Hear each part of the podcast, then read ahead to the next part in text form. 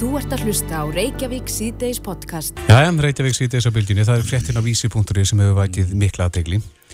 En uh, það er sagt af íslenskri fjölskyldu sem að situr súr í sótkví meðan að kýmvesti ferðamenn vals af andkvæðalustum, segir í fyrirsögninni. Mm. En uh, þau voru sérst að koma til Íslands frá Kína og uh, ástæðinni tilmæli sótarnalæknis og almannavarna til að komi veg fyrir útbreyslu úhann koronavirunar hér á landi. Mm -hmm. Þórólfur Guðnarsson er á línunni, kom til sæl. Sæl Þórólfur. Já, sælir. Já, mörgum þykir þetta svona stjóta skökku við að vera að setja þess að fá Íslendinga sem að koma til landsins frá Kína í sótkví en, en svo er massin ferðamenninir, þeir valsa hennum. Já, það er sko, það er alveg eðlar skýringar á þessu og, og það eru það er í fyrsta lagi varðandi ferðamenn sem er að koma frá Kína, ég held að það er holdt að hafa því huga, það er ekki bara kynverjar, þannig að mér finnst svona uh, það að maður þarf að passa sig að alveg upp á, for, uh, á fordómum hérna gagvart kínverjum í þessu Einmitt. að ferðarmenn sem er að koma frá Kína að það er, þegar þeir koma hinga til land það er ekkert beint flug hérna frá Kína þannig að þeir koma frá öðrum flugvöllum og öðrum löndum og, og eins og staðin er núna þá er, og mér er sagt það af yfirvöldum og það er ekki eitthvað sem ég segi heldur að er það bæði lauruglu yfirvöld og yfirvöld á keflækuflugvöldi að þá er ekki hægt að að, að, að finna út úr því þegar menn koma hvort er hafi verið í Kína á undangengnum 14 dögum. Það er bara tek, teknist ekki hægt, það eru svima þjóðir sem geta gert þetta sem eru með miklu strángari reglur og, og, og fyrir því hverji geta komið til landsins eins og bandarækjaman og, og Ástralja en þær reglur og þær þau vinnubröð eru bara ekki eh, viðhæð, viðhæð hér og það væri í sjálf og sem mjög æskilegt að geta séð þetta hvernig og eitt hvaðan er að koma og beitt þá uh, einhverjum ákveðum aðgerðum. Þannig að það sem við höfum sagt er það að þegar fólk kemur hingað inn að þá uh, eru við, uh, fá þeir tilkynningar um það ef þeir veikjast að þá látið þeir vita.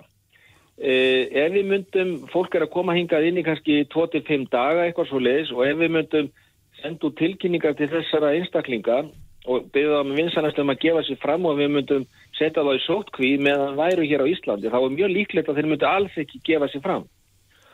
Og, og hérna þannig að þarfir auðvitað þá er þetta uh, dágóði fjöldi af fólki sem við, veitum ekki nákvæmlega hvað, er, hvað eru margir núna. En í, til dæmis í desember síðastlinum þá voru um 40.000 eh, kynverskir ferðamenn hér á landinu og þeir eru örgla færri núna út af þessum takmörkunum sem eru í Kína mm -hmm. en þeir eru kannski einhverju þúsundir, ég veit það ekki En skiptir þá þessi litli hópur íslendinga sem er að koma frá Kína einhverju máli, svona í stóra sammygginu? Já, já, hann skiptir máli fyrir það, fyrir það fólk sem er í kringum þá einstaklinga Þannig ef við náum ekki ferðamönunum með þessu móti, mm -hmm. þá mhm. getum við allavega uh, náð Íslendingunum sem myndu kannski annars hugsanlega geta smitað út frá sér og, þeir, og Íslandingar eru hér sko verða hér uh, áfram en ferðarmennandi fara. Mm. þannig, að, þannig að það er til mikils að, að vinna að ná öllum sem að hægt er að, að ná í. Og ég vil benda á það til dæmis að uh, Norðurlandafjöðunar það er ganga ekki svona hart fram í því að reyna að setja, ná, ná þessu fólki. Og ég vil líka benda á það að þeir einstaklingar sem hafa verið að greinast í Evrópu, til dæmis núna og sérstaklega á Norðurlandunum að þetta eru einstaklingar sem eru búsettir á, í þessum löndum og eru að koma frá Kína og hafa vext uh, kannski viku eftir þau komu heim. Sumur af þessum einstaklingum hafa sett sjálfansi í, í sótt kví eftir þau komu heim. Uh, þannig að það er mjög mikið verðt að, að það sé hægt að beita þessu og við hefum nú fengið kritik fyrir það að vera ekki nógu hörða á að stoppa allt flæði en svo erum við líka að fá kritik núna fyrir að beita einhverjum þeim úrræðum sem hægt er að beita. Mm -hmm. Er uh, vírusinn í sókn en þá? Í, já, já, hann, hann er í sókn í Kína sérstaklega og er, við veitum ekki nákvæmlega hversu mikil útbreyslan er en, en það er alltaf aukning á hverjum degi bæði í þeir sem er greinast og, og þeir sem er að deyja en þetta er aukningin er fyrst og fremst í Kína og það er mjög jákvægt að að ekki, við sjáum ekki mikla dreifingu í öðrum löndum utan Kína. Æ, það hefur greinst í 28 löndum, en segðu mér aðeins Þórólur, eh, þessi árlega influensa, Já. það er bólu sett gagvart henni, er, er nóg til að bóluefni í landinu? Bóluefni er búið og það var aldrei verið bólusett meira, rúmlega 70.000 skantar á bóluefni. Það er búið fyrir löngu og, og hérna, það klárast mjög fljótlega eftir, það kemur í september og og, og fljótlega eftir það er byrjað að bólusetja og það hefur klárast og, og hérna, það er ekki bólefni til meira en Verður ekki pantað meira? það er ekki til meira sko. E, e, hvað, hvað með þá sem að þurfa heilsu sinna vegna nöðsynlega að fá bólusetningu? Já, þeir hefði átt að vera búin að fá bólefni og, og við erum búin að auglýsa það mjög grimt í marga vikur og mánuði að fólk er að leita til helsugæslunar og, og ef að menn sitt eftir með sárt enni núna þá, þá er það bara, bara miður að svo sé. En ég vil benda á það líka til líf við influensinu sem hættir að gefa fólki sem er kannski með undirlikjandi sjúkdóm og viðkvæmt. Þannig að ef að fólk fær influensana þá er þetta hefja slíka lifja með þeir mjög, mjög, mjög hratt og, og, og skipti máli að það sé gert bara fyrstu einu, tveimur sólarhingunum og þá virkar hún ágætlega. En þetta er ekkit, eh, er ekkit óvenjulegt þó að bólefni sé eh, Nei, það hefur- til eh, Nei, nei, það hefur klárast bara mjög fljótt á undanfærtum árum alltaf og, og, og, og hérna, ég vildi að við getum verið með meira en það er bara, þannig er staðan. Ég vil kannski líka bara nefna að var að þetta heima sóttkví, það er ekki eins og fólk sé algjörlega bara lokað inn í herbyggju og get ekki gert neitt, fólk er beðið um að vera ekki á mannamótum, það sem fjöldi fólks er, fólk getur farið út að ganga og svo framvegið þannig og það er mjög nákvæmar upplýsingar okkar heimasíðu um hvað felst í þessu. Auðvitað er þetta takmörkun á, á frelsi fólks og fólk er beðið um að fara ekki vinnu. En það er bara til mikils að vinna og, og við grípum ekki til þessarar aðgerða og þessara beðni, við erum að beðja fólk um að gera þetta, fólk eru ekki tekið með valdi og, og tilgangurinn er akkurat að reyna að koma í vekk fyrir svona útbreyslu og faraldur eins og við erum að sjá til dæmis, já, jafnvel í Kína. Er, er sóttvallalæknir orðin úrvinda? Nei, nei, nei, nei, hann er bara eblast. Hann er eflast ef eitthvað er. Það er gott að heyra. En, en það er líka alveg á hreinu að, að Þorlóður að, að svona eins og maður, maður heyrir ímislegt sem að flýgu fyrir þegar svona krísa er uppi e, Já. að það er ekki af efnaðarslegum ástæðum sem menn er að, að, að, að gefa túristunum uh, frýtt spil án s- sóttkví, án þess að vera neftir Nei, í nei, sóttkví nei. eins og, eins og maður heyrir í, í, í það frá öðrum löndum Nei, nei, nei, nei, það er ekkert, inn í okkar ráleggingum er ekkert sem, að, sem að heitir sko svona ef, efnahanslegum og einhverju sleikjugangur gagvart túristum eða eitthvað slíkt, það er bara alls ekki tannig, við erum bara að reyna að grípa til þeirra aðgerða sem við getum notað, það er mjög auðvelt að sjá fyrir sér ímsar aðgerðir en sem að er ekki hægt að hindi í framkvæmd en við erum bara að þessu með að leiðaljósi að koma í veg fyrir þessa síkingu og, og það, það er uh, motto hjá okkur nummer 1, 2 og 3 Já, kæra þakki fyrir þetta Þorlóður Gunnarsson. Já, sömulegis, takk. Já, takk. Þú ert að hlusta á Reykjavík C-Days podcast. Reykjavík síðdeis klukkan er 25 minútur gengin í 5 við horfum hér yfir eh, staðsetningu okkar vegna eh, hér á Sjölandsbreytin, þá horfum við yfir lögadagsvöldin, vildi ég sagt það? Er hann ekki bara grætn og fallegur? Já, í dag, hann var það ekki fyrir fjórun dögum eða fimm Nei. en eh, hvítur þá en það stendur yfir bara átt að við við náttúruöflin, það er að segja að, að okkur takist að spila mjög mikilvæga knaspinnulandsleiki Mm Að gera völlin keppnisværan. gera hann keppnisfæran og það náttúrulega innan ákveðina tímamarka ellegar verður að leita eitthvað út Já, Klara Bjartmars, frangvöldastjóri KSI, er á línunni. Komdu sæl. Þessar. Hvernig er staðan? Lofar þetta góðu? Bara, já, hún er dokkarleg. Hún er með ástíma eru við mjög sátt, völlunulegs allar sýkingar og, og það er svona til dæla lítið frost í honum og fylgjast mjög vel með honum og það hefur unnið mikið í honum í janúar og líður undan á frá síðasta hausti. Við byrjuðum strax síðasta hausta undirbúið völlin eins og hægt var. Já, hvernig er, er hann undibúinn? Hann fær stera og krem og vítamin og ég, ég þekki svo sem ekki smáatriðin í, þessu, í þessum græsallafræði sem eru, þetta er, er stór fræðigrein og við höfum aðganga mjög góðum sérfræðingum í þessu Já. En, og þeir hafa myndað góðan og þéttan hóp með okkar vatastjóra og, og hafa, hafa leitt þetta verkefni fyrir okkur. já, nú, nú lítur að hafa veist, að, að, og þarf að, að dreinera þetta vel er, er, er, ekki, er ekki búið að sjú út úr honum vatn þetta er nú lagsti Jú. punkturinn í dalum Jú, þann sko það er nú eitt af vandamálum við völlin er mér sagt að það er undirlagi honum er í rauninni uppmókstur úr, úr hverfinu þannig kring og kannski ekki það sem hefði verið valið í dag í, í ekki. og hann, það er kannski veikleiki vallin að hann dreinar ekki neitt rosalega vel, þannig að rauninni eru strákarnir búin að vera að, að handreynsa potla á vellinum í vetur. Já, það er ærinn starfi. Já, já, en þetta hefur, við getum ekki býð með við stöðun á vellinum, getum ekki hvart yfir veðrinu. Nei. En þetta lofa góðu, en, en hvert er plan B? Við erum ekki með plan B. Nei, en, en, en, en en við, þetta höfum við höfum við alveg skoða það. Við erum að leggja í mikla fjárfestingu og við skoðum það bara raunsætt hvort það væri mikla útræðar fyrir okkur að spila leik erlendis. En, hver- en, en hver er, Klara, hver er dagsetningin, hvernig þurfum við að segja af, af eða á um það? Það getur skipt okkur miklu máli núna það sem að tíða, tíðin skiptir öllu. Það er rauninni engin dagsetning á því. Þetta er bara rauninni eru, lögðarsvöllur eru okkar keppnisvöllur. Já, Við fáum núna fljóðlega að koma útæktaræðilega frá, þess að við um Júfa, þetta er ekki Júfa heldur, heldur sjálfstætt fyrirtæki. já, og til fer yfir stöðun á vellinum en það fyrirtæki er búið að fara yfir aðgerðarplanu hjá okkur og er mjög sátt við hvað hefur verið gert já, og miða við stöðuna núna erum við bjart sem við gerum ráð fyrir því að leiði inn hittapilsun yfir vellin þreymur vikum fyrir leik og það er kostnar, stærsti kostnarliðurinn í þessum undirbúinisfasa L- l- leggja hvað segiru hita leiðslur, já, hittapilsu pulsur. við tjöldum, við tjöldum yfir vellin og hittum hann tjaldið upp Já, já, ein með öllu. Það- Já, það er svona sambarlegt. Þetta er hérna svipað við gerðum fyrir króatjúleikin hérna fyrir Já, nokkrum árum. Þá vorum við reynda bara með hann í viku, nú tökum við hann í þrjár vikur Já. og dælum þarna inn heitu lofti og, og bæði þess að þýða völlin, allt frá stundur honum og til þess að reyna að búa til smá gerfi, gerfi spreyt, ekki til þess að búa gerfi spreytu heldur til þess að hvetja til þess að það komi smá vöxtur grassi þó það sé, þó það sé mars. Já. Og, og hann verður ekki sko of mjúkur eða það, það, það, það er, hann verður að hafa einhverja Já, viðspilnu. ég, við, við erum ekki ætlast til þess að völlurinn, við erum ekki búist til kraftaverki að völlurinn verði eins og í ágúst. En það sem við erum að stefna það að völlurinn verði, verði örugur fyrir, fyrir þá sem spila fótballtinn á honum og, og dómaralegsins.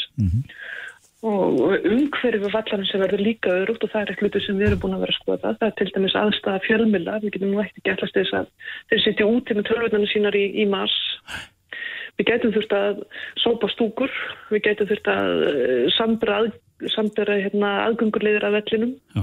Það er að hyggja í þessu. Já, ég heyri að, þið eru mjög vel undir þetta búin. Hver, hver, er dagsetning leikjana eða leiks? Við, það er 27. 27. mars hér heima Já, og ef við vinnum þann leik þá förum við út í setni leikin daginn eftir. já, það er ekkert annað. Sem er, þetta er náttúrulega, auðvitað er þetta fengum við þarna annað, annað tækifæri til að komast í úslita keppnina en, en þetta tækifæri er, þetta er svona býstna flókið, flókið í, í, í ferli þetta það að fara kannski setna leik. Er svona erfitt upp á flug og hótel og þess aftar. Já, Hvað þetta- þá allar reyna að fá einhverja stuðningsmenn með sér í setni leiki.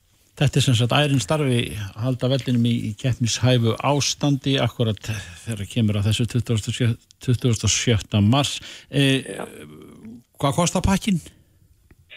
Það hefur komið fram í, í fundagerðin sem er ofinberður að við fjárhásáðum gerir það fyrir alltaf 70 miljónum 70 miljónir. Já, og það er eitthvað, við sjáum fram á það að þetta getur komið aftur upp eftir tvö ár við getum lengt aftur í samsvörandi leikum fyrir HM í Katar Já, og það er alveg ljóst að knastbundu sambandi ber þetta ekki til langfram nei. Einn spurning hérna frá hlustanda, Klara. Mm. Eh, Hefur komið til tals að HSI, KKI og KSI saminist um að byggja mannverki og, og þá ekkert endilega í lögardaldum, heldur eitthvað starf annar staðar? Sko það var einhver umræðan þetta fyrir einhverjum árum. Nei, hvað, hvað varð úr henni bara hreinlega þekki ekki. Ég, ég er meira í því að undirbúa þannan leik og, og það sem því fylgir og Guðni Bergson formar hann leiðir vinnuna um nýja lögutarsvöll hvort að það, hversu mikið er búið að fara í þessa, í þá vinna að skoða hvort að slíkar lausnir séu til það, það hérna bara til miður þekki ekki nú vel Nei, þá leitum við svar annar staðar en Klara Bjartmars, frangotastjóri KSI, kæra þakki fyrir Takk þetta. fyrir þetta, Klara. Takk fyrir Og það er kannski við þetta að bæta fyrst að við erum í íþróttafréttunum Já. að það var að koma glóðhætt frétt úr þýskum fjölmjölum. Nú, Ég sé hér, eh, ef ég næja því að drætt Alfred Gíslason Nóir búndestreynir. Já, hann er Þá landslýsjálfari. er hann orðin landslýs þjálfari Þýskalands. já, Í það er ekki Alfred okkar Gíslason, hinn er einn sanni. Já, Er hann þá ekki annar íslenski þjálfarinn? jú, sem að, sem að, Dagur var náttúrulega þetta. já, já. Já, já. Og nú Alfred. Og, og gerði, gerði það á Európmesturum. Reykjavík síðdeis á bylgjunni. Reykjavík síðdeis þá líkulega út á götu við erum nú áhörfundur og þáttakandur í, í bifriða akstri á degi í hverjum og við erum alls ekki einir á um það en, en e, það eiga sér stað orkuskipti þó maður kannski taki ekki eftir í mm, svona með því að verða umferðina fyrir sér. En e, það er með e, kannski helst að, að rafmagni sé okkar orkugjafi sem að er okkur nærtækur og hann, hann er miklu lengra gengin hér að það gengur hraða fyrir sig þau orkurskipti sem rafmagnir annars vegar af því einfallega að rafmagnir er ekki það dýrt í framlöslu hjá okkur. Annars staðar getur það verið alveg fókdýrt en við höfum stundum leita til bílgreina sambansins svona til þess að taka stöðun á, á málunum og Marja Jóna Magnúsdóttir er frangotastjóri þar á bæ Sæl, Sælir. já, hvað eru er orkuskiptin gengin langt ef við erum að tala um, um rafbíla? Jú, þetta þarna, árið fer allavega mjög uh, snarp á stað hvað það varðar, hvað varðar þessi að við verum að horfa á þess að ný orku gjafa, ramagn, hybrid, tengiltvinn og, og metan og þá erum 52,2% skráður að bíla í januar uh, í þeim flokki og ef við erum að horfa á bara seint ramagn þá voru 18,5% uh, nýskráður að fólksbíla í januar slíkir bílar. Ó. Er, er eitthvað sem að efnahagslegt sem veldur því eða er, er, er þetta bara þetta er bara aldan sem að eh, fellur á markaðinn? Já, ég held að hérna, náttúrulega uh, árið 2019 var kannski aðeins hægar í, í bílásölu heldur en við gerðum ráð fyrir og, og, hérna, og partur af því var að það voru margir að býða eftir líka uh, ramagsbílum.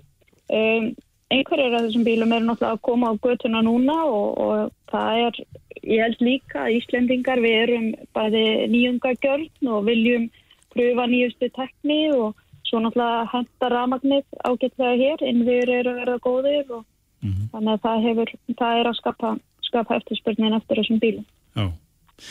En ramagn af, já hvað segir maður, af tanki eða, eða þar sem að hlæðslustöðum er fyrir komið, ég veit ekki hversu langt það er gengið, er, er það ekki komið ringin markvaldan? Það er að segja það þar sem getur hlaðið? Það er komið ansi vel á veg. Já. Það eru ákveðnir, ákveðnir staðsetningar sem er kannski hérna, minna um það og, og sérstaklega til dæmis ef við ætlum að, að ná þessu alveg í gegn varðandi bílaleigur uh, til að þeir geti farið að, að breyta og farið í, í tengiltvinnbíla eða ramagsbíla þá þurfa innviðir eins og við Keflavíku flugvöll og, og þar að, að stór eflast. Það er, það er alveg ljóst og við sjáum náttúrulega núna eru flestir bílar skráði til einstaklinga og minna til bílalega þannig að við, þetta áurglega eftir að breyta staðins þegar við förum lengra inn í árið Mm. af því að þeir eru að taka meira bensin og, og dísil Mm. Þá spyr maður líka eh, ramagn af tanki, er, hefur það verið að hækka? Ú, nú bara Eh. fylgist ég lítið með krónutöluna ég verður Nei. að veikja með það menn, menn að eflust gera það. svona að því að þeir menn hafa samanbörði við Já. jarðefnin eða það er að segja bensínolju Já, nákvæmlega. En ég vil bara eiginlega að segja pass ég, Já, já, ég er sjálfa á dísebíl þannig ég planta lítið þannig að hérna, ég þyrfti að, að fylgjast bara betur með því. Já, nei við, við hérna við komist að því. En það er ágætt að fylgjast með því og, og, og sj- sjá hver, já, já hver hérna. Hvernig þróunin á því þró- verður já, því að- að, að, að það verður meiri fólk fyrir að nota þetta meira í meira mæli. Já, og, og, líka, við, líka við heimilir svo líka aðrir eins og ramarsbílar e, njóta þeir ekki en þá ívilnana í innflutning, þeir, innflutningi? þeir njóta ívilnana við innflutningi og það er bara mjög jákvæmt að segja frá því að það var gengið frá, frá frumvarpi bara núna í, í desember þar sem að á, á næstu þremur árum liggur þetta svolítið fyrir og, og það er sem sagt áfram ívilnanir á, á ramagn og tengil tvinnbílum. Það átt að fella niður ívilnanir á tengil tvinnbíla eftir þetta ár, eftir 2020 en því verður einni haldi áfram til 2023. Þannig að það er mjög jákvæmt. Þannig að við erum loksins að koma í, við erum að sjá svona kannski stöðuleika í þessu. Við vitum hvað er að gerast næstu 2-3 árin, ekki, það er ekki alltaf verið að, að stoppa við hver áramót og, taka ákvörðunum þetta sem þetta hefur svolítið verið núna síðustliðin ár. Þannig að það er mjög jákvæmt að við sjáum um, núna fram í tíman að þessar ívinnandi muni halda sér. Mm. Eh, nú í, í februarmániði 2020 þá eru eins og þú segir hlutild ramagsbíla sem ég kalla sem svo já, eh, já. E, af heldarflótanum hver er talan aftur? Ramagsbílar uh, reynir eru 18,5% um, tengil tvinnbílar voru 18,9% um, og það sem er kvöldun sem að nýju orku gafa það er líka hæbritin í, það var um 13,7% og svo var metan með um 1,1% af, af hlutvöldu sölunir. Já, það var nú bundnar vonir við þann orkugjafa en svo svona hvarf það svolítið út úr sviðsljósónum eru ástæður fyrir því eða, eða menn Já. framleiðendur kannski ekki geta staðið sig eða Já, ég held einhvern veginn að Ramagn hendar uh, uh, vel hér uh, það eru meðtámstöðar og það eru aldrei fjórar hérna á höfuborgarsvæðinu og eina á Akureyri Uh, og það eru svona þeir sem eru uh, skoða þetta mikið að við sjáum kannski að metan hendar á stærri tæki eins mm. og, og hérna, rútur, fólksflutningarútur eða, eða slíka eða sendibíla oh. að þar eru erstu að, að kannski að geta nýtt þetta betur en þess að það er ansið dýst að fá, fá þá yfir í ramagn eða þetta er að batterín verða ansið tung og Þannig að það er í raunin ekki kannski lausnin fyrir uh, þann ferðamóta, þannig að við sjáum það alveg. En þetta er stíl í fólkspilum og, og hérna, einhverju eru nýtt á sér þetta og þeir sem hafa verið nýtt á sér þetta held ég séu bara ánægir. En, en það er minna minn við hvað það varðar enda. Og því Já. held ég að rafmagnið er, er uh, aðgengilegt fyrir okkur flest. Uh, svo er það flotinn en, en uh, síðan ætlaði að spyrja að það er ekki á, á, á þínum snærum. Marja Jón Magnúsdóttir framkvæmstjóri bílgjörnar sambansins við tölnum reglum bundi við þig og aðra aðlega til þess að fylgjast með þessum þessum eh, mælingum öllum Já. í orgu skipta pakkanum öllum. Kæra þakkir. Takk sem leðis. Bless. Reykjavík síðdeis á Bilginni podcast. Já, það er komið góðið gæsti til okkar Sigur Nórs Kristjánsdóttir og Sigur Birna Valsdóttir. Já, Sigrið Birn er ráðgjafi á samtökunni 78 og Sigrun Ósnáttúrla, við þekkjum hana vel. Já.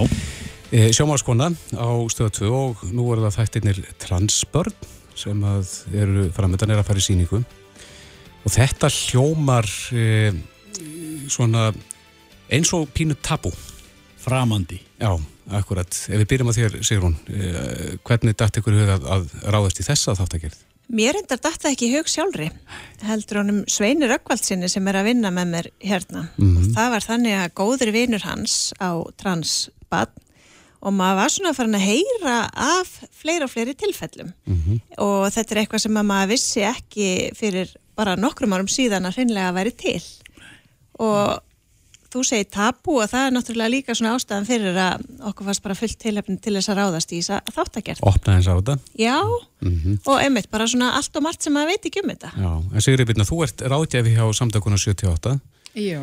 og ert svona svolítið með þessi mála þinni konu. Er, er, er, er þessum tilfellum að fjölga?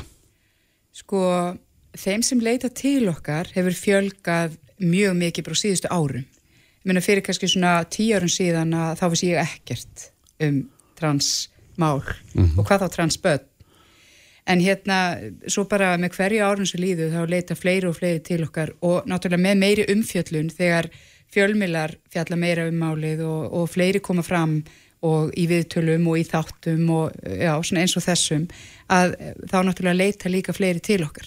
Er þessum einstaklingum þetta frelsun að koma upp á yfirborðið og vera bara einn af okkur eða einið af okkur Ég er eins og þú, ég hef ekki Já, aldrei heilt ég, hérna, ég veit ekki hvort ég myndi hérna, tala um sem frelsun en hérna, hérna það er gífurlegu léttir fyrir transbar, transungminni, transeinstaklinga yfir leitt, það er gífurlegu léttir að geta lifað í uh, réttu kynni, geta lifað og hérna þurfu ekki að vera að lifa í raung, raung, raungu kynni það er gífurlegu léttir, náttúrulega hvena sem það gerist á lífsleginni Já, En nú er þetta koma í, í þátt, þætti eða þáttaröð mm. það lítur að vera ennþá meira hérna, álaga að koma eins og ég segi út úr skálnum við þetta fyrir framann alþjóð Og hvað Já. þá fyrir svona unga einstaklinga?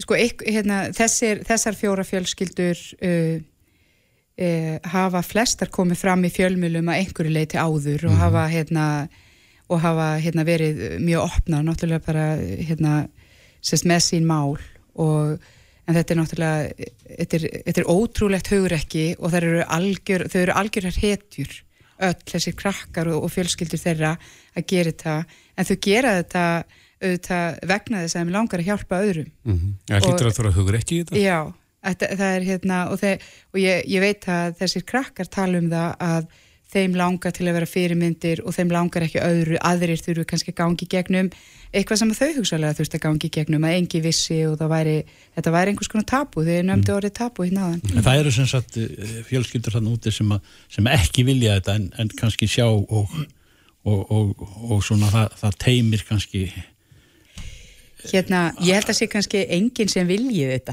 Ég held að sé enginn sem vilji, þetta, sé, þetta er ekki Nei. eitthvað sem, eitthvað fólk, sem fólk velur sér, en fólk tekst á við það.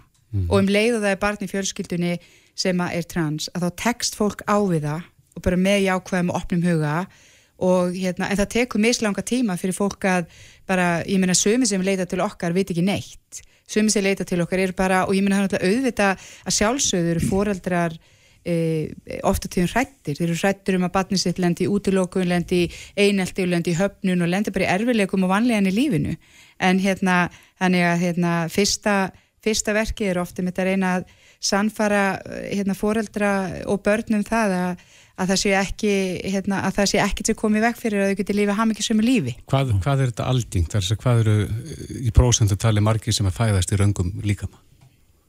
ég veit ekki neina prósentutölur en mér langar að leiða þetta eitt að því að sagði raungum líkama. Við tölum í raunin ekki um rángan líkama. Nei, það eru engi líkama rángir það er bara þannig og ef að, ef að hérna, transstrákur er í, er í sínum líkama þá segir hann bara stundum að, hérna, að þetta er líkami minn og þá er það stráka líkami mm hvernig sem það lítur út. Já, þannig að eins og ég segi, það, maður þekkir þetta ekki alveg nógu Nei. vel. einmitt. Fullt af orðum sem þarf að varast. En uh, Sigrun, hvað ætlar að uh, hvernig ætlar að nálgast efnið? Hvernig ætla ég? Já, Já, mér langaði sko og það sem að kom mér eiginlega óvart þegar ég byrjaði að, að hérna, hitta þetta fólk og, og vinna þetta efni er, og ég veit ekki hvernig að hljómar að segja það, en þetta er þetta er svo venjulegar fjölskyldur. Þetta er bara svona hérna já, bara venjulegt íslenskt fólk sem að bara lendir í þessum, já, þannig við getum sagt óvenjulegu aðstæðum og einmitt standa frammi fyrir þessu verkefni. Og mér langaði bara að sína já, hvernig það er gert? Og maður sér það strax sko um leið að við byrjum að kynna þáttinn og segja frá því að standi til að sína þetta og svona að þá sér maður að það er mjög mikið hérna, um að fólk miskilji hitt og þetta. Og bara þá sér maður bara hvað fólk veit lítið og hvað það er mikil þörf á svona þætti. Og þau sögðu það líka öll við vinslu þáttana eins og Sigabirna sagði að þau vildu að svona þáttur að þau hefðu séð svona þátt þegar að, þegar að þau fara af staði í, í þessu af því að það hefði hjálpað þeim töluvert að takast á við þetta. Þurfi ekki allir að finna upp hjólið og svona sem að standi í þessum sporum. Einmitt. en auðvitað er þetta viðkvæmt. Ég meina við erum að fjallum um börn þannig að við erum búin að vanda okkur eins og við mögulega getum. En uh, er þetta öðruvís í dag en þetta var, þú, þú, eins og þú segir, þú þekktir ekki þetta hvað þá transbörn fyrir, fyrir tíu ára síðan? Sko, hérna það er ekki öðruvísi að transfólk er ekki öðruvísi. Það er ekki öðruvísi að það sé til transfólk og transbörn það sem eru öðruvísi er samfélagið kringum okkur sem betur fyrr og með hverju bara árinu sem líður að þá verður við meðvitaðri og því auðveldara fyrir þessi börn að hérna að lifa í sínu rétta kynni Þannig að það er öðruvísi tekið á málunum í það dag. er öðruvísi heldur en- tekið á málunum í dag. Og þau Hvernig- hafa leifi til að vera þau sjálf. Hvernig, eh, að, að því maður nú bara séð myndir nú á nýverið semst af, af, af eh, börnum, transbörnum og, og svona eh, hvað þau hafa að segja. En hvað segir barnasamfélagið sem er nú leikfélagarnir á leikskólanum eða, eða í skólanum?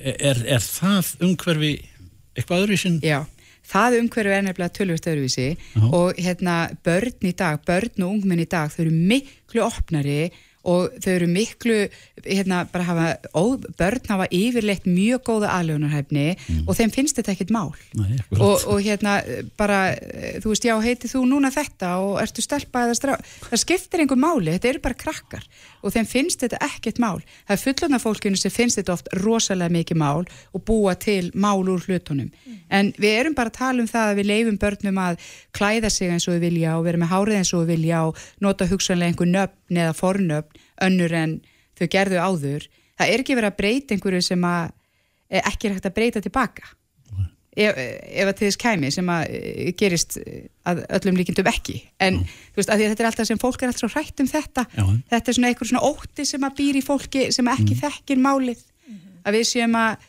þú veist það sé verið að íta börnum út í eitthvað það sé verið að hafa áhrif á þau og, og hérna allir foreldrar tala um þetta þau fá svona þú veist, þú ert bara að íta barninu út í þetta og þú ert bara að hérna, hafa áhrif á þitt, en það er ekki hægt. Það er ekki hægt að búa til transbarn það er ekki hægt. Nei, en, en börn og ungminni eru óbúslega opinn, en það er líka annað, við erum líka að það að hérna, bara e, allt sem hefur að gera með kyn og kynneigð er miklu meira flæðandi og opið í dag, bara hjá ungu kynsluðun okkar, heldur en að var bara fyrir 10 árum, 20 árum.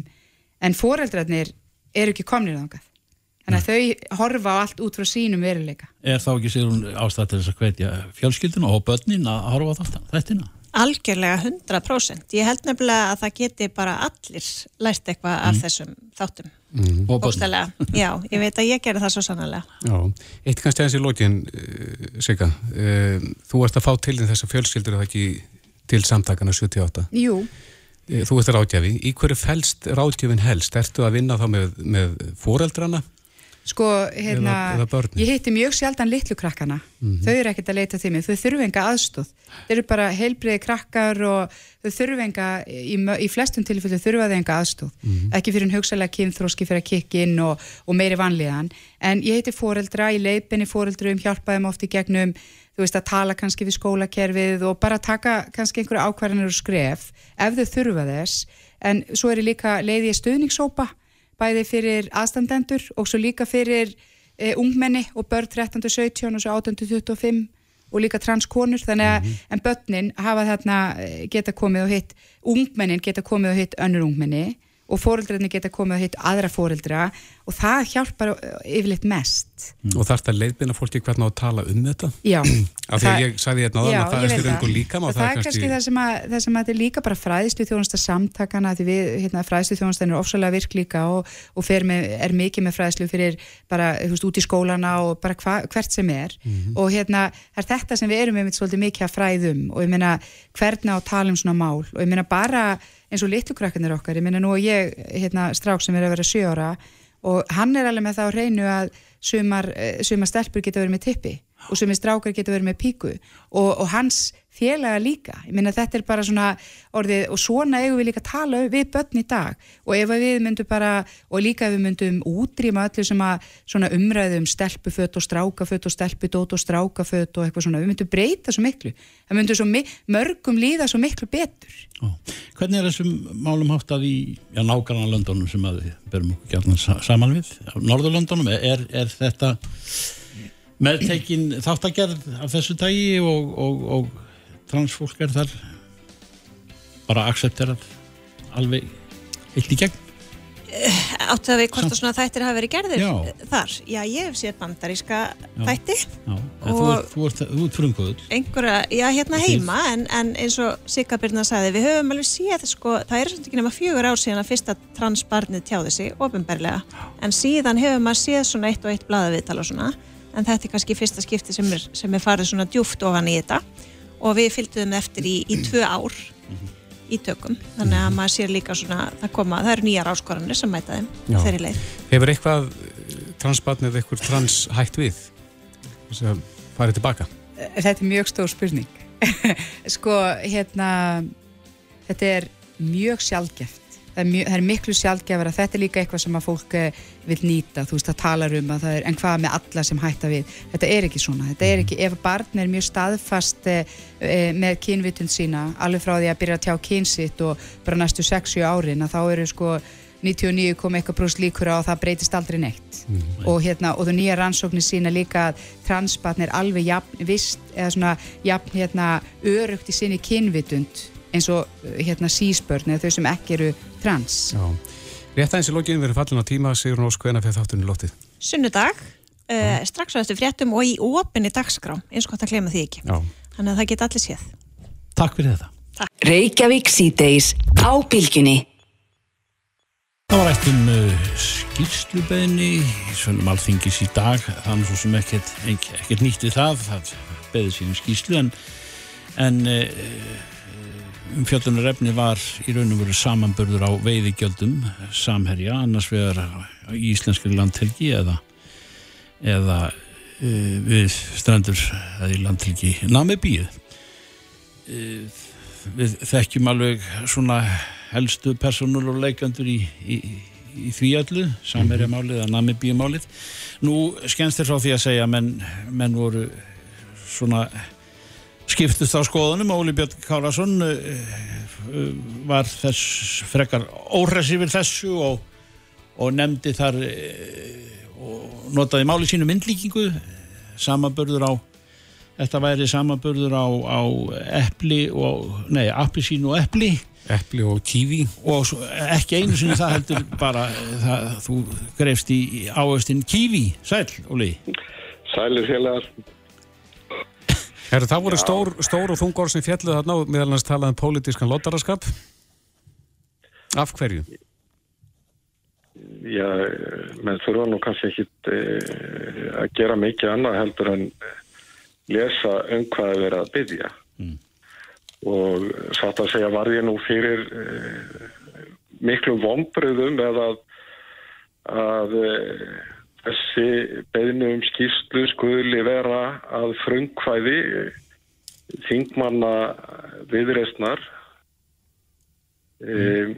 sem að hafa nú þó að þau séu hérna hafi talað fyrir umbyltingu hér hvernig veiðigjöld eru lögð á eða útbóð á veiðihemstum og svo framvegis, það er bara hérna hlut af pólitík að þá hafa þau nú svona meist ákvæmt í orði vilja e, gæta að því að, að svona rekstar af umhverju íslenska atvinnlífs sé hérna e, eðlilegt mm -hmm. samkjöfnishæfni Og það vekur alveg sérstaklega aðtegli á því að, og þess vegna segi ég að það sé ekki verið að bera saman einu sinni epplu og appi sinu heldur, epplu og kífi eða, eða hvað með vilja að kalla það. Vegna þess að það sem að flutningsmenn er að byggja um, látum vera að, að þau vilja taka inn e, meinta múturgræslu sem að eru nú bara til rannsóknar og við skulum sjá hvað kemur út úr því. Heldur það er greiðsla fyrir veiðirétt að vísu er ekki til eitthvað sem heitir veiðiréttur á Íslandi látum það líka myndir hluta. Veiðigjöld hér á Íslandi og það sem greiðti fyrir veiðirétt í Namibíu. E, og hort ekki á neitt annað. Ekki neitt annað í rekstaraf umhverfi e, sjáarðsfyrirtækja hér og í öðrum löndum. Og síðan segir í, í greinakerð að samaburðurinn að þessu tægi á að geta stuðla að málefnalegri umræðu um það mat sem ákvörðun veiðikjálta byggist á. Já, Óli... En býtu til þess, nei, býðist ákvar, til þess að hérna átta sig á því hver, hver, hver, hérna hvaða veiðikjöld eru, uh, þá þurfa menn að bera saman uh, skattalegt umhverfi, til dæmis, uh, hér á Íslandu og í Namibíu, tekjuskatt, tryggingargjöld, það má til dæmis ekki gleyma því að hér eru lögð á og síhækkandi kólefnisgjöld, það er ímis eftirlitskjöld, það eru hafnargjöld og síðan ekki síst. Verður auðvitað að taka inn í reikningin kjærasamninga sjómana, skipta hlut sjómana og svo framvegis. Vegna þess að ég gerir ráð fyrir því á þess að ég hafi hérna um það upplýsingar að til dæmis hluteld sjómana hér í aflaverðmændi íslenskara skipa sé töluvert herri og meiri sem betur fer, þetta er það ekki stannast það. Einmitt, en við ætlum að, að fá aðeins Þorstein Víglundsson uh, viðreist inn í þessu umræðu, sæl Þorstein. Sælir. Jú, sælir. Já, þarna er talað um að er sem verið að bera saman epli og kífi uh, hefði ekki skýslamátt innihalda meira en það sem farið var fram á? Nei, sko við bara byrjum að það er alltaf sama sagan þegar umræðin að bera að, fyrirkomulegi veiðigjald hér á landi að þá þegar sjálfstæðisflokkur er alltaf eitthvað með að drepa málum og dreif og segja að það verða verða umræðan verða að snúast um eitthvað annað heldur en hún snýst um hverju sinni. Það er enginn að segja það, Þorstein. Ekki, ekki vera með viklísu. Ára áli björna því ég sætt bara úðalega tilstur og þægur undir þinnir. Já, leifum Þorstein að tala. Ég var sett það mjög skýr og einföld skýslubeinu sem byggði á frettaflutningi af þeim göldum sem samhverju væri að greiða hérna með bjöð með hvaða hætti sem þau göld voru greið í samanbyrði við þá veiðugjöld sem greitt voru hér á landi mm -hmm. Tonn ef svo mætti orðið komast. Og, og við taldum bara fulla ástæði til þess að fá það skýrt fram þá ofinbörum þá heimildum eins og þá sjáður sér á þeirra er er þetta rétt? Því að þetta á það fullt erind inn í þessu umræðu uh, hver sé munurinn á þeim greistum sem er, eru eittar að hendi í Nambi og, og, og hér landi? Ef eins og Óli Björn er að benda hér á er eitthvað málefnulega rauk og nú gengur Óli Björn greinlega að því sem gefnum hlut að það sé verið að greiða umfyrir terra fyrir veiðreikni náðum heldur um Kjærlandi en ef að baki þinn muni eru málefnulega rauk þá kemur það veintilega bara fram í svarinu þess vegna skil ég ekki þetta uppklöpp á nokkrum stjórnarþingmannum í þinginu í dag því hérna, skýstu beinin er skýr, einföld eftir að vera auðsvara og það verður þá hægur leikur fyrir ráð þeirra einfallega að útskýra telja málefnilega rauk á bakvið þann mun sem þarna er. Óli Björn? Nei, það sem er vonbriði mínu þetta snúast uh, um það að, að maður eins og Þorstein Vílundsson sem á rætur sínar í íslensku atvinnulífi uh, koman atvinnurekstri var uh, frangöndastóri samtaka atvinnulífsins skuli taka þátt í að gera, taka þátt í að smíða skýslubeginni það sem er verið að bera saman bara eitt lítið brot vegna sem ég hef ekkert á móti því að við séum að bera saman hér rekstarað umhverfi íslenskara sjáuröldisfyrirtækja, veiðugjöld og annað við það sem gerast og gengur hjá öðrum þjóð. Er ekki alltaf að fá þessi svör og, og ræða síðan bara það bara niðurstöðuna? En þá skulum, við, þá skulum við líka gera það í einhverju heildrænu samiki þannig að samaburðurinn sem er verið að kalla eftir fáist. Þannig að það sé tekið tillit til allara þeirra gjalda sem lögð er á Íslands sjáurútusfyrirtæki hér og tekið tillit til þeirra hugsalega ríkistyrkja sem að gengur að gerist í öðru löndum. En það er greinilegt að það vilja flutningsmenn eða skýrslubeðendur hafa engan áhuga á því að fá heldarminn, þeir vilja bara fá brotaminn vegna þess að það heftar í einhverjum pólitískum tilgangi. Ég segja verðið um að góðu Ég hefði gert að vilja styðja slíka skýslubeðni um að gera heilstæða útætt og rekstar umhverju íslenskar sjáurútvegs og bera það saman við það sem gengur að gerist í Namibíu, í öðrum trónaríkjum og í Evrópu. En þósteinn, er eitthvað annað en einfallleikin og eh, einfall skýslubeini þarna sem um ræðir, eins og þú saðir áðan, eh, hvað segir við þessum eh, orðum óla? Nei, að baki þessari skýrslubeginni er ekkert annað heldur en bara við töldum einfallega mikilvægt að, að, að fá það uh, bara með skýrum hætti fram. Er þetta rétt sem komið fram, fram í fréttaskýringu kveiks á sínum tíma varandi uh, þennan meðsmun? Uh, eins og sé, Óli Björn hefði gætnan greinlega vilja að halda á penna þegar þessi skýrslubeginni var skrifuð en það má þá benda á það að það er þá ráð þeirra sem heldur á penna þeirra svarið best og honum er þá því sjálfsagt að dýpka þá umræðu telja til dæmis málefnuleg eh, rauk eh, á bakvið þann mismun sem kann að vera. Og ég myndi þetta sjálfur fagna því að við færum með mitt í þennan samanburð. En af hverju leggur það þá ekki til fórstu? Já, þú getur hægan hérna lægt líka að kýsa þetta einu fram sjálfur og sko, staðrindin einfallega er þessi og sem að uh, á endanum snýst þetta eiliðar reyfreldi um, um veiðiköld og, og fyrirkomulag hérna, aflamaks hér á landi um það hvort að veri sér að greiða sangjart verð fyrir hérna, aðganga sammegilegur og öðlum tjóður. En þessi skýrslubeini... Það er sjálfstæðisflokkurinn alltaf stokkið upp á nefn sér í hvert einasta skipti sem ykkur í er að því að útgerðin væri mögulega reyði búin að greiða herra verð heldur nú getur. En Piltar, Óli Björn og, og Þorstein? Það er sem fá að klára því að mm. Óli Björn var að lýsa vonbreðum sérstaklega verið aðkomi minni sem fyrir um framkvæmtastjóra samtaka aðurlýsins að þessum mál. Og ég segi bara með sama hætti, ég vorði fyrir miklum vonbreðum með sjálfstæðisflokkin sem segist aðhyllast markastöfnu en hafnar ítrekkað hugmyndum okkar í viðrest um það einmitt að bjóða bara út þessar veiðheimildir eins og ítrekkað hefur verið lagt til að nefnd eftir nefnd eftir nefnd og þá þannig fram bara með skýrum hætti hvað útgerðin er reyðbúin að greiða. En þessi skýrslubeini, herramenn, hún var samþygt. Skýrslubeini var samþygt, já. Og- Með 27 atkvæðum gegn 7 og 10 sátti hjá. Er, er þá ekki vegurinn framöndan nokkuð græður, Óli Björn? Jú, nú býðum við bara svarsins.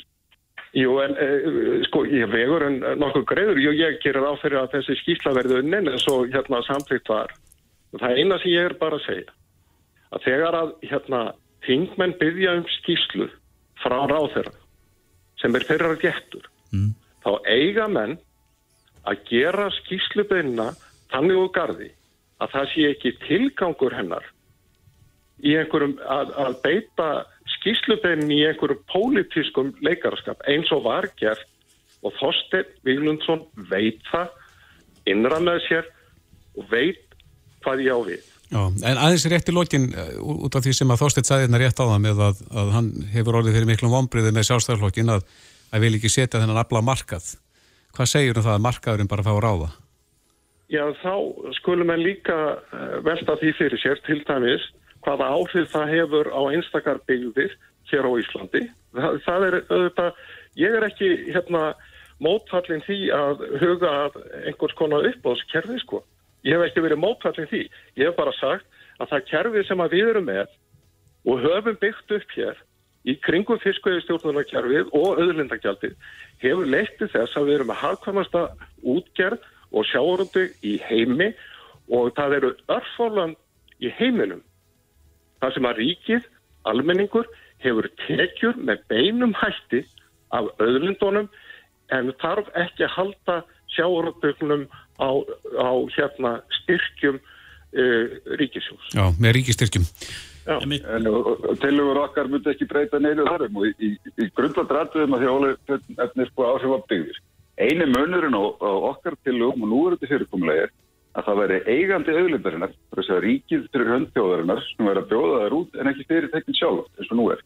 Því að það er verið að eiga viðskipti við, með aflamarka á markaði í dag og þetta. Það er bara ekki ríkið sem hefur uh, forræði á því uh, og er að þá nota útbóð á tímaböndum veiðahimildum sem leiðina til þess að, að tryggja þjóðinu sangjafna hlutdelt í arðunum að þessari aðtunum. Þorstein Víglundsson og Óli Björn Kárasson lengra komist við ekki með þetta. Við uh, breytum ekki kvotakerfinu hér á nú en, en það er alveg ljóst að við býðum þá uh, skýslunar og, og væntanlega þá kemur uh, auka álag inn í, í umræðinu um það þegar hún leikur fyrir. Allir það sé langt að býða eftir því Veist, það geta verið tíu vikur, jáfnvel lengur, en, en samkvæmt þingsköpum ára á fyrir að, að uh, útbúa þessa skýslu á tíu vikum, en getur síðan farið fram á einhverja framleggingu. Já. Félagar, takk fyrir spjallið. En, en skýslubeinin liggur bara fyrir að þau eru að byggja um að það séu tekið saman annars vegar opberkökk sem að þau getur gert sjálf og hins vegar bara gögn upp úr því sem kom, hefur komið fram í kveik. Já. Verðum að setja punktin hér. Kæra þakkir. Frettir og fróðleikur. Reykjavík síðdeis á bylgjunni. Létt sveifli þessu. Klukkan vantar á tíu minútur í, í sex og, og uh, við höldum okkur við matvælinn ef, ef uh, veiðigjöld hafa snúist um, um þau, jú, fiskin í sjónum en, en um, grænmetið, það er alltaf að sanna ágæti sitt svona segja allir heilsufræðingar nú tímans hvar, hvar á, í heimi sem er og, og þetta þykir einskær framtíð í því að koma þessu og það hefur hér á landi verið rætt um, um það okkur við erum ekki og oftar en einu svona tvissar okkur við erum ekki dugleri að búa okkur til e, svona góðan útveg út úr þessu viðtækan og ábata saman en þess sko gætir reyndar í fyrir austan fjallins og þeir sem búa höfuborgarsvæðinu segja Þorláshafnar búar með Elliða Vignisson í, í farablóti hafa, hafa verið í, í framvarðasveit þeirra sem er að berjast við það að koma upp grænmyndis stóriðju kallaði þetta, Elliði Vignisson heil og sæl Kom sæl, Borgir eh, Hvað, þetta er nú bara forvetnis símtal sem við slá ge, ger, gerum núna að umtalsefni þetta sem var fæst í tal fyrir nokkru mánuðum að, að það veri fórsendur orðna til og, og hugmyndir um, um það að koma upp í ærleiri grænmyndi stóriðju já, í, í nákvæmni við Þólasöfn og, og, og þar á Suðurlandi? Það er alveg rétt. Við hér í Ölfusu höfum senast ári verið að vinna stefnumörkun, hvað matvæla framnæstu varðar og við veitum sem er að hér á þessu svæði hjá okkur, þar erum við með stæðsta jarðorku verið í heimi og við höfum 730 per kilometra landi og nægt vatn og góða höfn og fleira. En við vitum líka að heimurinn er að breytast. Mannkinnið er að vaksa á 6 miljardum í 10 miljardar og sérfræðingar telja að þörfinni fyrir mat muni á næstu árum vaksa en 50-70%. Og við veitum líka að, að matvæla framleysla í dag er að losa um 30% af gróðurhúsa loftumundum. Þannig að eh, aðgerða er, er þörf og ég held að, að flestum sé ljóst að okkur er ekki til setunar bóðið. En um leið og þetta er, er mikil áskorun fyrir heiminn allan þá skapar þetta okkur Íslandingum alveg gríðarleg tækifæri. Bæði ylræktinn og, og öll önnur matvælaframleysla.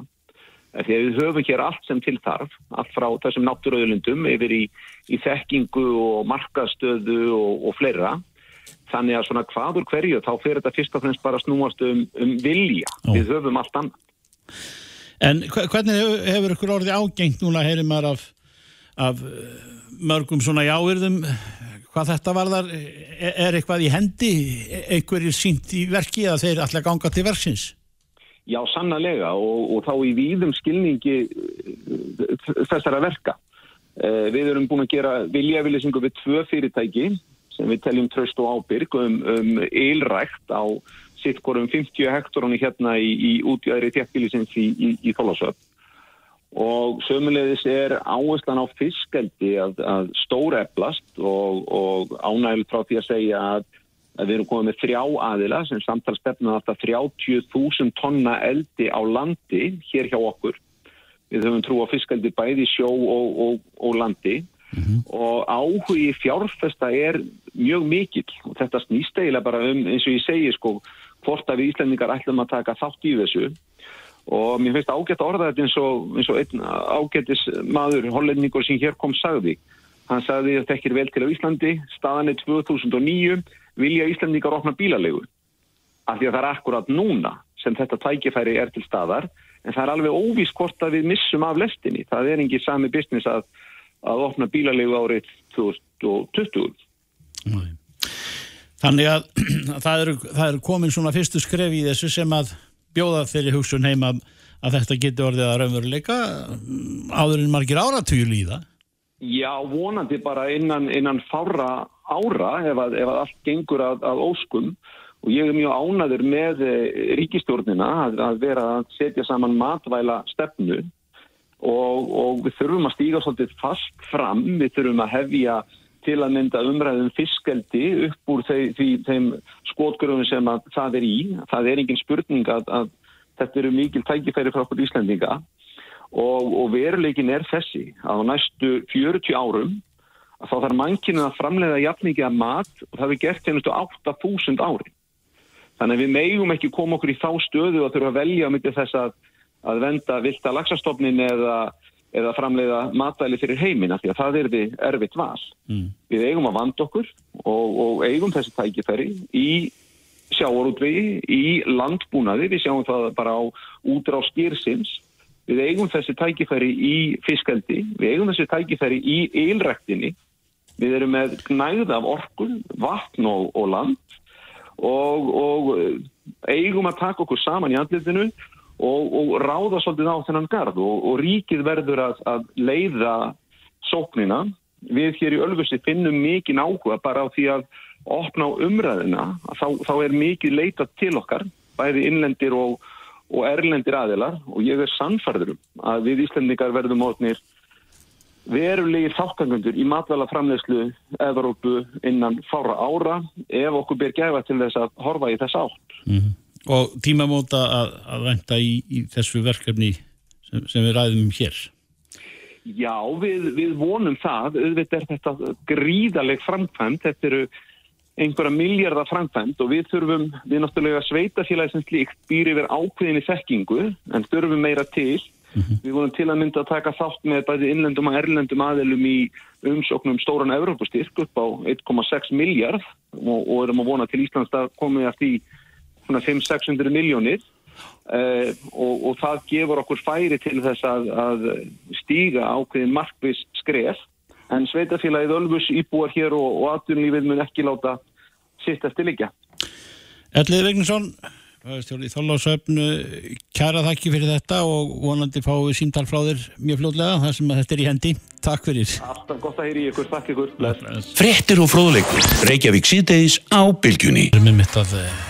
Það fyrir í ykkur hlustendur góður í spurningu dagsins sem um þá fá niðurstöður úr slíkri svona smá konun hvort að menn séu sammála því sem að var hér á döfinni rætt í, í gær til lókt áttar þá vorum við að tala við Þorsten Sæmursson, þingmann sem er einn af uh, flutningsmönnum þess uh, máls í þingsölun sem að gekk og gengur út af það að, að, að bann sé lagt við myndatökum í, í dómsölum.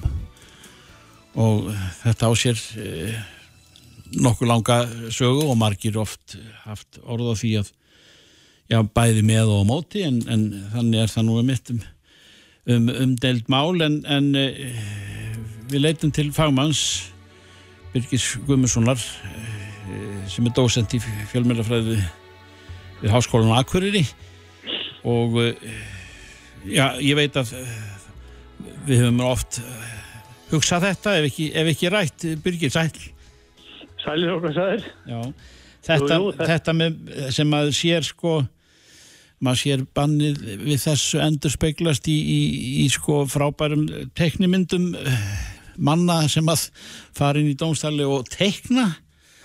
Jú, jú, jú, jú, það er nú verið í, sérstaklega í Breitlandi. Já, e e eigum við vona á því að, að, að það verði þá til eh, svona uh, dómteknarar eða dómstólateknarar. Það er náttúrulega alveg hugsalegt, sko, að það, veri, það er náttúrulega, sko, nefnir þetta frumvarp, sko, að það er náttúrulega í rauninni, sko, bannað að vera að mynda í nú þegar, sko. Mm -hmm. En það sem að þetta frumvarp er að miðflokksmanna er að, eða Þorsteins er að, að hérna, gera, er að vanna, sko, myndatökur á leiðinni úr og í dómsal, sko, eins og Það hafi síðan verið, sem séu sakamenn verið, að mynda sakamenn verið leita út úr lauruglubílum og þeir eru svona með hettur og, og alla græður, sko. Já. En ég sjátt svolítið, sko, ef þeir vilja. Þannig að það er kannski viðbútin, sko. Já. En, er það eh, er það fræðilega mögulegt að koma því við eh, góð Já, aðdráttalinsa upp í hlýð Já, kannski? já, ég meina það er talað um úr og í dómsali, ég meina þeir gæti náttúrulega líka tekið þá myndir að leita út í lauruglubíl, sko, við erum auðvitað lauruglustöðuna eða eitthvað slíkt, sko, ef að menn Mm. hefðu virkilega áhuga á því að, að fara í kringum þetta bann, sko. Já.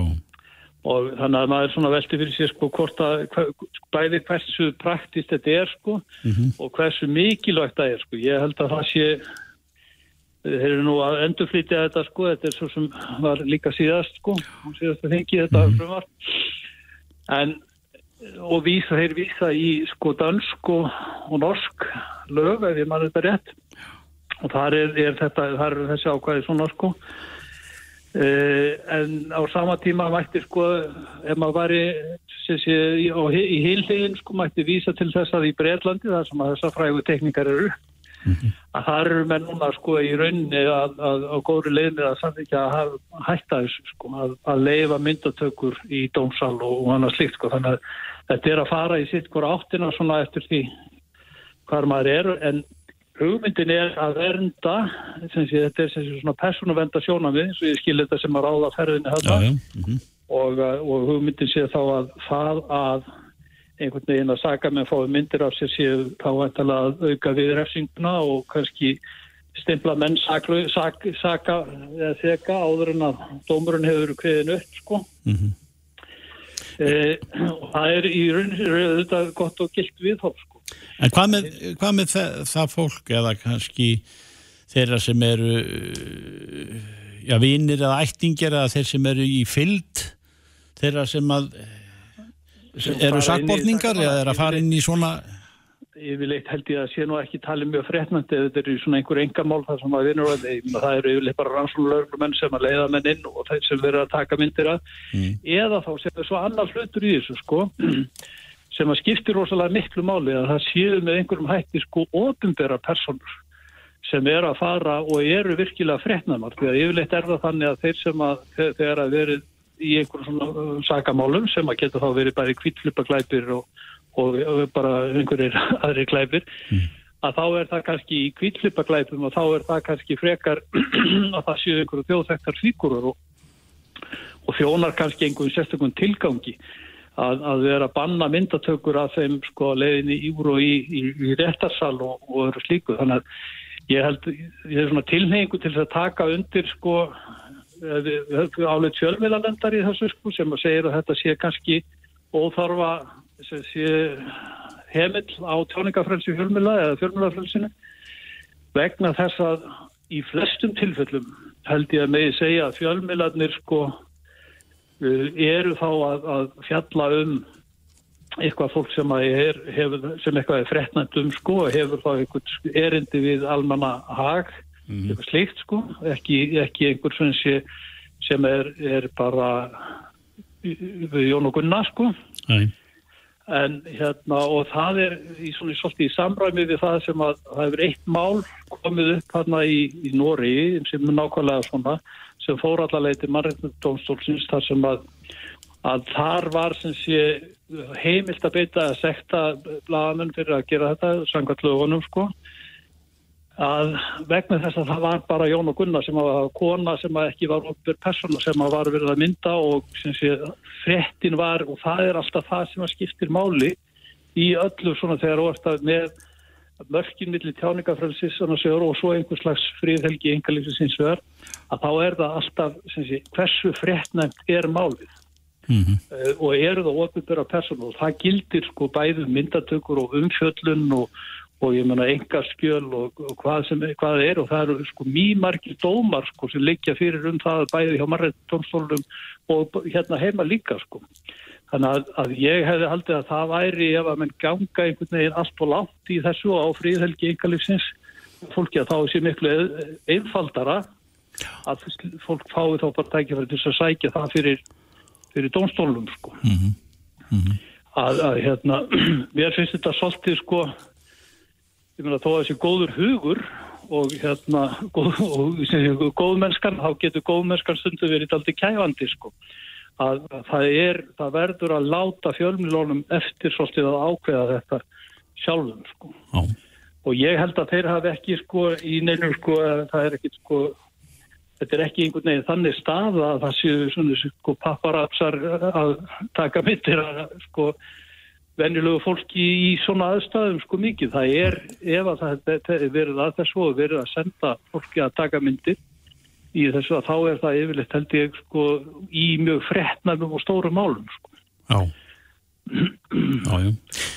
E, líka það sem að Birgir hefur svona oft og einat heyrt af að það að e, það er bara gott að, að einhverjir einhverjir bóar eða einhverjir misindismenn e, sko, Já, já. verði Já, já. síndir bara eins og þeir koma klættir til þessara dyr og annara Já, já, ég meina það er svo aftur kannski svona, ég ætla kannski ekki að taka aftur til þetta. Nei, nei. Að, að, að, að, það er náttúrulega sjónandi sem hefur komið fram. Jón Steinar hefur talað um það hérna, ég, ég, ég man eftir svona mörgum árum sko, að það sé sko refsi þinging í rauninni að þurfa að búa við mikla fjölmjölaðum fjöllum sko. En það er svolítið bara samfélagi í dag. Ég meina, við, er, annarkort erum við þá með þetta sem sé réttaríki það sem við erum með uh, hérna domþing hví heyrenda hljóði sko og það heyrenda hljóði eru bara fjölmiðlarnir í dag sko. það er, ég meina það, fólk, það til þess er það og hugmyndin er gagsægi og það lítur að skipta líka rosalega miklu mál að það sé þá sem sé aðgengi að þessum domsölum sko.